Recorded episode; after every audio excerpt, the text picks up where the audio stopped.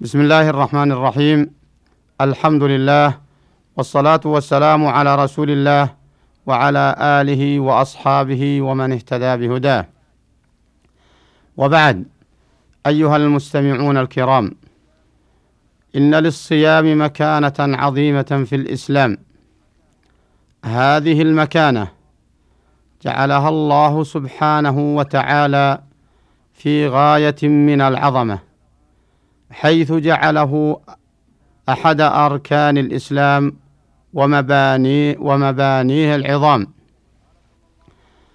قال صلى الله عليه وسلم بني الإسلام على خمس شهادة أن لا إله إلا الله وأن محمد رسول الله وإقام الصلاة وإيتاء الزكاة وصوم رمضان وحج بيت الله الحرام.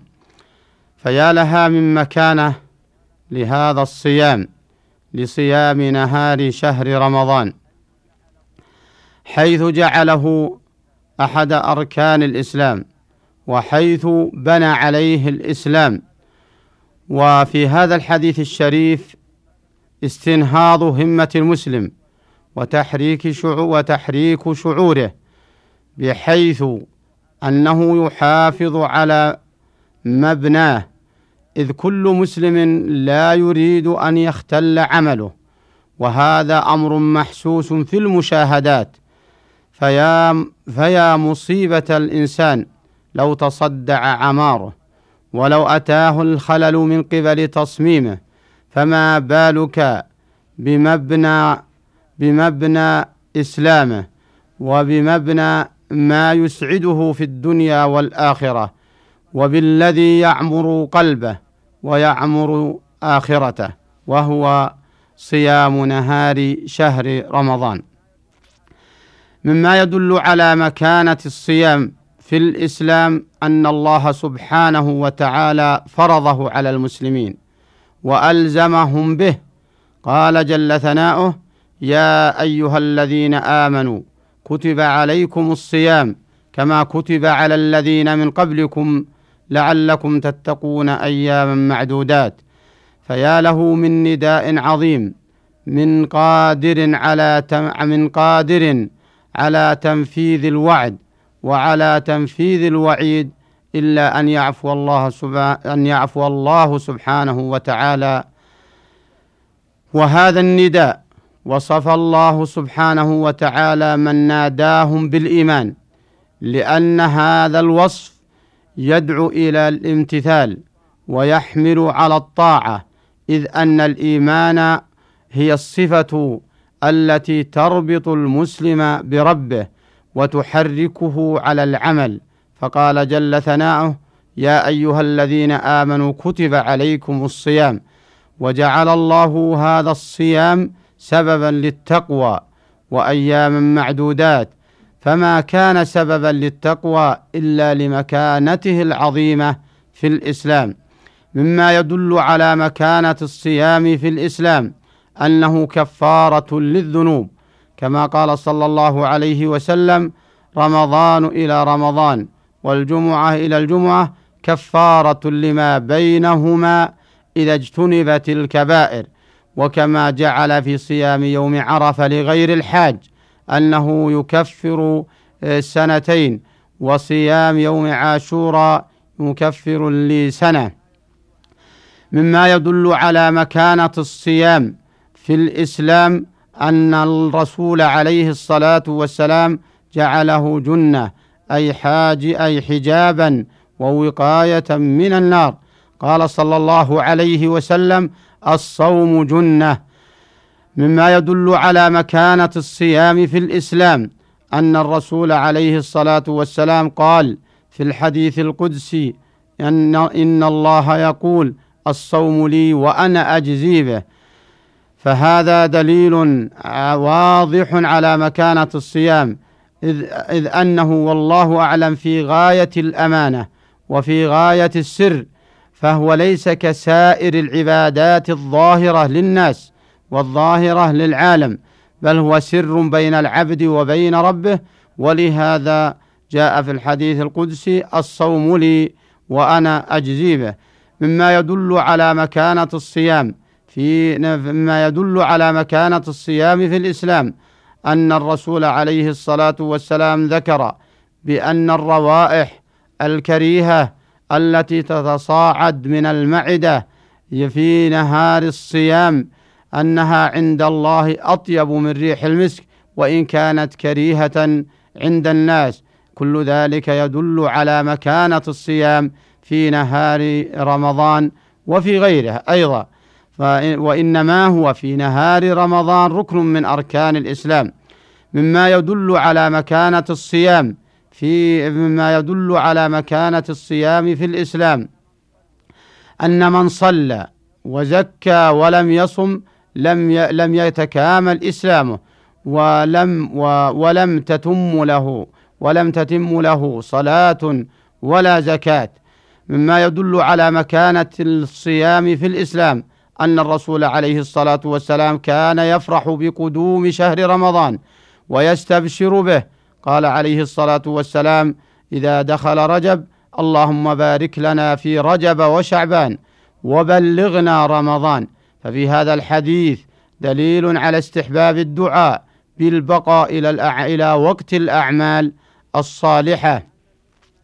لأن المؤمن لا يزيد لا يزيده طول عمره إلا خيرا فخيركم من طال عمره وحسن عمله.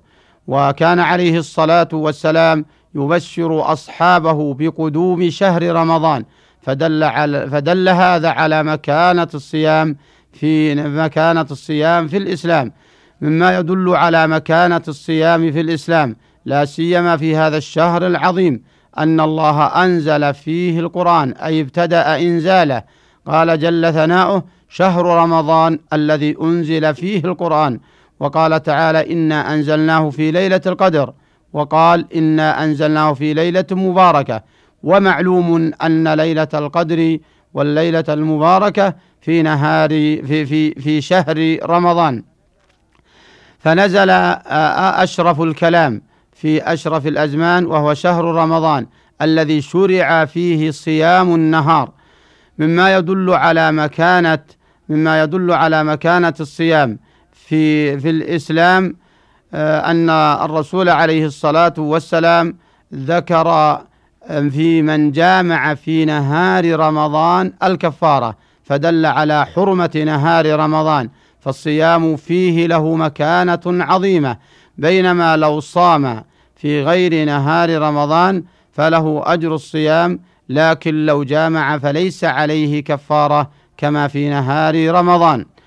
مما يدل على مكانة الصيام أن الرسول عليه الصلاة والسلام أخبر عن شهر رمضان بأنه موسم الخيرات وأنه مزرع الأعمال مزرعة الأعمال الصالحة وأنه شهر الصبر. فوصفه الرسول عليه الصلاة والسلام بهذه الصفات لتدل على مكانته في الإسلام. ولماذا كان شهر الصبر؟